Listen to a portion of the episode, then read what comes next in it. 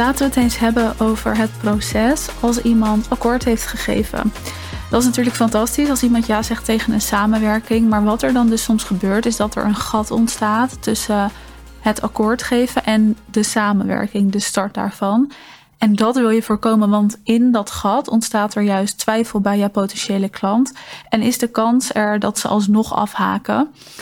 En dat wil je niet. Dus daar wil ik het met je over hebben in deze aflevering. Hij wordt weer lekker concreet, zoals je wel een beetje gewend bent.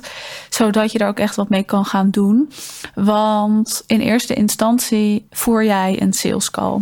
In zo'n sales call ga je natuurlijk ja, het proces met iemand aan. En kan iemand uiteindelijk een keuze maken. Die keuze hoeft niet altijd gemaakt te worden in de call zelf. Dat kan natuurlijk ook in een tweede call, wat eigenlijk het meeste voorkomt. En dat je je eerste sales call hebt gehad. Daarin ga je het salesproces in, het keuzeproces met iemand. Daarin begeleid je iemand door dat proces heen. Stel je de juiste vragen en ja, kom je uiteindelijk samen tot een besluit. Maar 9 van de 10 keer is het zo dat jouw potentiële klant daar ook nog even over moet nadenken. En dus plan je een tweede belletje in. Dat tweede belletje dat vindt een paar dagen later plaats. Ik heb het al heel vaak gezegd, maar ga dat tweede belletje nou niet een week later inplannen of een twee weken later. Maar drie dagen, twee dagen later, dat is echt meer dan genoeg. Iemand heeft niet meer tijd nodig om na te denken. En als dat wel zo is, dan is er dus nog twijfel en moet daarover gesproken worden. En als die twijfel er nog is, dan kan je daar dus over praten in dat tweede belletje. In dat tweede belletje wordt vaak een keuze gemaakt, ja of nee. En als de keuze dan ja is, dan ga je dus samenwerken. Wat je als eerste doet, is dat je natuurlijk in dat belletje even uitlegt wat er dan gaat gebeuren. Dus ga je iemand mail sturen? Krijgt iemand ergens toegang tot? Wat heb jij van iemand nodig? Dat leg je uit zodat je degene vertrouwen geeft. We gaan samenwerken en dit is wat je kan verwachten. Dat is heel erg fijn. Nu is er op dat moment mondeling akkoord gegeven, maar je hebt dat nodig schriftelijk op papier of met een contract of waar je dan ook mee werkt. En dit is een belangrijk punt. En ik haal dit aan omdat er iemand is in de Master Your Sales, een deelnemer die ook in het membership zit. En zij heeft laatst ja, met één post echt meerdere calls kunnen binnenhalen, meerdere sales calls, wat super positief is en wat ook natuurlijk super interessant is. Zij heeft eigenlijk één post geplaatst en meteen vijf mensen die een berichtje stuurden en dus een sales call met haar wouden voeren. Dat is dus best een goede conversie. Hè? Als je vanuit één stuk content, dus één post, vijf sales calls krijgt, vijf aanvragen daarvoor. En die calls die ging zij dus voeren. Drie daarvan zeiden meteen ja. En ze moet er nog drie voeren. Ze heeft er later namelijk nog één bijgekregen. Dus uiteindelijk in totaal zes calls, maar in eerste instantie vijf. En de drie calls die ze had, die zeiden dus alle drie ja. En we zijn nu een week later, sinds zij die calls heeft gevoerd. En zij vroeg vandaag aan mij uh, ik heb een klant hier tussen zitten die dus ja heeft gezegd, mondeling. Maar die eigenlijk ja, af en toe wat van zich laat horen. Maar ik krijg nu vrij weinig contact. En ik heb gewoon het gevoel dat deze persoon op dit moment aan het twijfelen is. En ze zei ook, misschien is het mijn eigen onzekerheid. Maar wat moet ik hiermee doen? Wat hier dus fout is gegaan, is dat zij niet op de juiste manier haar onboardingsproces heeft ingezet. Wat ervoor zorgt dat iemand inderdaad kan gaan twijfelen. Of dat er in ieder geval niet genoeg contact is ontstaan. Wat er dan gebeurt, is dat je dus weinig contact krijgt. Maar is misschien ook wel dat iemand kan afhaken. Dus wat had zij moeten doen? Zij heeft de call gehad. Iemand heeft meteen ja gezegd. Super positief. Overigens een conversie van 100%, want alle drie de calls daar werd akkoord in gegeven. Maar goed, call werd akkoord in gegeven. Wat had zij moeten doen? Ze had direct een mailtje moeten sturen waarin je om een officieel akkoord vraagt. En dit is dus onderdeel van je onboardingsproces. Je hebt de call, je hebt daarin uitgelegd wat iemand kan verwachten. Dus je legt ook uit: ik stuur je zo meteen direct een mailtje. Dat mailtje, daarin staan betaalafspraken. Daarin staat wat we gaan doen, dus wat ik voor je ga betekenen. Daarin zet je je algemene voorwaarden en daarin vraag je om een officieel Omdat je dat al uitlegt, verwacht de ander ook direct een mailtje, waardoor iemand ook snel kan reageren. Dus zodra jij die call dan afsluit, dan zet je het proces in gang dat dat mailtje direct wordt verstuurd. Ga dat mailtje nou niet een dag later sturen, want dat heeft geen zin. Iemand heeft meteen dat mailtje nodig, zodat iemand kan schakelen en kan doorpakken. Want iemand zit op dat moment in een state of mind van ik ga samenwerken. Dus binnen een kwartier stuur jij dat mailtje, waarin dus nogmaals staat wat jullie hebben afgesproken wat jullie qua betaling en prijs hebben afgesproken. Dus betaalt iemand in termijnen, voldoet iemand het bedrag in één keer. Vervolgens wil je daar ook inzetten dat je binnen 24 uur akkoord nodig hebt.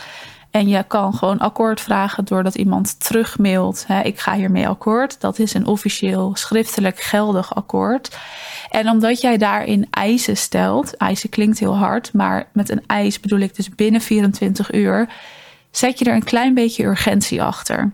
Als iemand niet binnen 24 uur akkoord heeft gegeven, dan twijfelt iemand. En dan is er dus een gesprek nodig. Het is heel simpel en je mag daar ook echt van uitgaan. Als iemand dus niet binnen die 24 uur dat akkoord geeft, dan is er twijfel. Dus jij zet in dat mailtje dat iemand akkoord kan geven door te antwoorden op de mail, dat het binnen 24 uur moet gebeuren. En je kan er ook een reden aan koppelen. In het geval van mijn klant, het voorbeeld wat ik net gaf, is het zo dat zij echt maar een beperkt aantal mensen in één keer kan helpen. Dus zij heeft nu drie akkoords gekregen, dan zit zij eigenlijk aankomende tijd vol. Dus als er nu weer een nieuwe klant bij komt, dan kan zij de startdatum pas later in de maand inplannen. Dus je kan daar ook een reden voor geven in die mail, hè, waarin je gewoon heel simpel kan zeggen. Binnen 24 uur hebben we een akkoord van je nodig, omdat wij de tijd vrij plannen in de agenda voor onze samenwerking. Dat is ook echt zo in dit geval. En als er dan een week overheen gaat voordat jij officieel akkoord hebt, dan heb je misschien alweer een aantal klanten misgelopen. Vervolgens kan iemand hier dus akkoord op geven. En pas na het officiële akkoord stuur jij een bevestigingsmail met dat jullie gaan samenwerken. Met een werkwijze daarin, maar ook met de factuur. Dus de factuur stuur je niet mee in die eerste mail.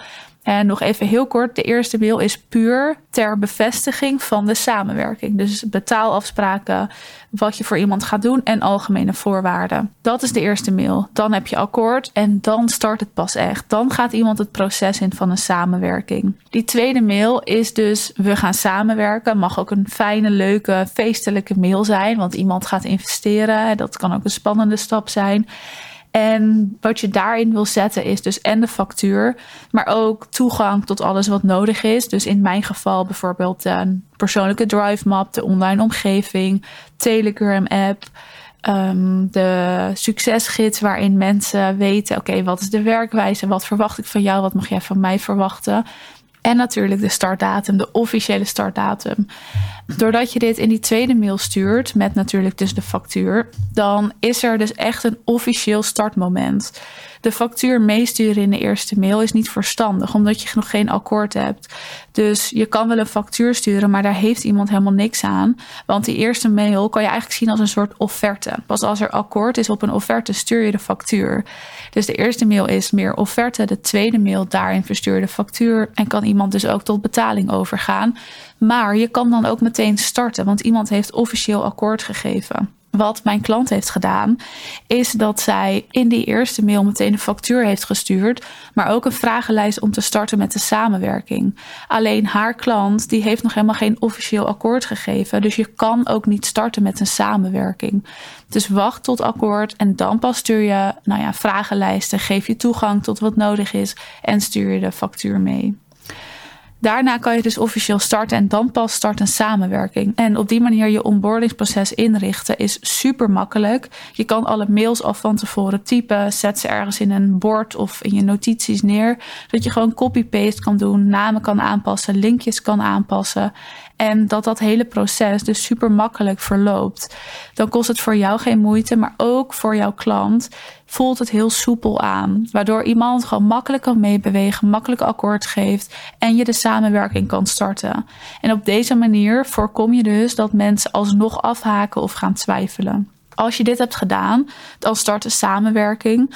Wat je dan eigenlijk ook wil doen, is dat je af en toe eens een mailtje stuurt met een update, met hoe het gaat, met wat extra tips of advies, met misschien een keer een video daarin.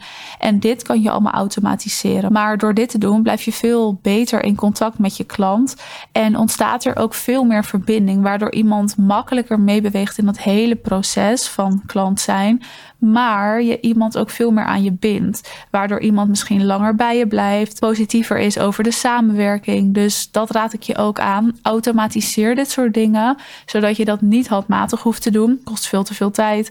Maar dat je wel in contact en verbinding blijft. En dat is gewoon een leuk extraatje. Dus het kan echt al met een tip zijn. Misschien een linkje naar een YouTube-video, een podcast die je vaak luistert. Gewoon even wat extra aandacht voor je klant. Dus naast je onboarding besteed daar ook aandacht aan om van die klant ook echt een fan te kunnen maken. Ik zou zeggen, ga lekker met die onboarding aan de slag. Zorg dat je eisen stelt in je onboarding. Dus bijvoorbeeld binnen 24 uur akkoord, binnen 14 dagen tot betaling overgaan. Of voor de kick-off tot betaling overgaan. Zodat het gewoon heel duidelijk is, wat kan iemand verwachten? Wat is de bedoeling? Wat heb je te doen? je hebt bijvoorbeeld akkoord te geven of de factuur te betalen. Zodat je die samenwerking gewoon zo snel mogelijk officieel kan maken en kan starten. En dat je dus voorkomt dat mensen afhaken. Want dat is echt het allerlaatste wat je wil nadat je al een akkoord hebt gekregen. Want dan ben je nou ja, aan het vieren dat je een akkoord hebt gehad en dan haakt iemand af. Ja, dat is toch een beetje een domper. Dus voorkom dat op deze simpele manier. Je kan die onboarding veel spectaculairder maken. Uh, dat je nog meer in contact komt te staan. Je kan van alles hierin toevoegen. Uh, dingen via de post sturen, video's meesturen, een contract laten ondertekenen, zorgen dat het feestelijker is. Maar als je het gewoon heel basic wil houden, dan is dit in ieder geval de manier hoe het officieel en slim kan. Daarnaast raad ik je natuurlijk wel aan, en dat doe ik ook met mijn één op één klanten, om het echt te personaliseren. Zodat als iemand met jou gaat samenwerken, het ook echt voelt als een feestje. En iemand ook helemaal niet eens nadenkt over toch niet doen of dat die twijfel helemaal weg is. Die kan jij wegnemen in je onboarding namelijk. Dus personaliseren, maak hem feestelijker, maar start eerst met deze basis. Heb je hier vragen over? Stuur ze gerust. Je kan me altijd DM'en op LinkedIn of Instagram. En dan eh, kletsen we er daar gewoon over verder. Dan wil ik je in ieder geval bedanken voor het luisteren. En mocht je vragen hebben, dan uh, lees ik ze snel in mijn DM.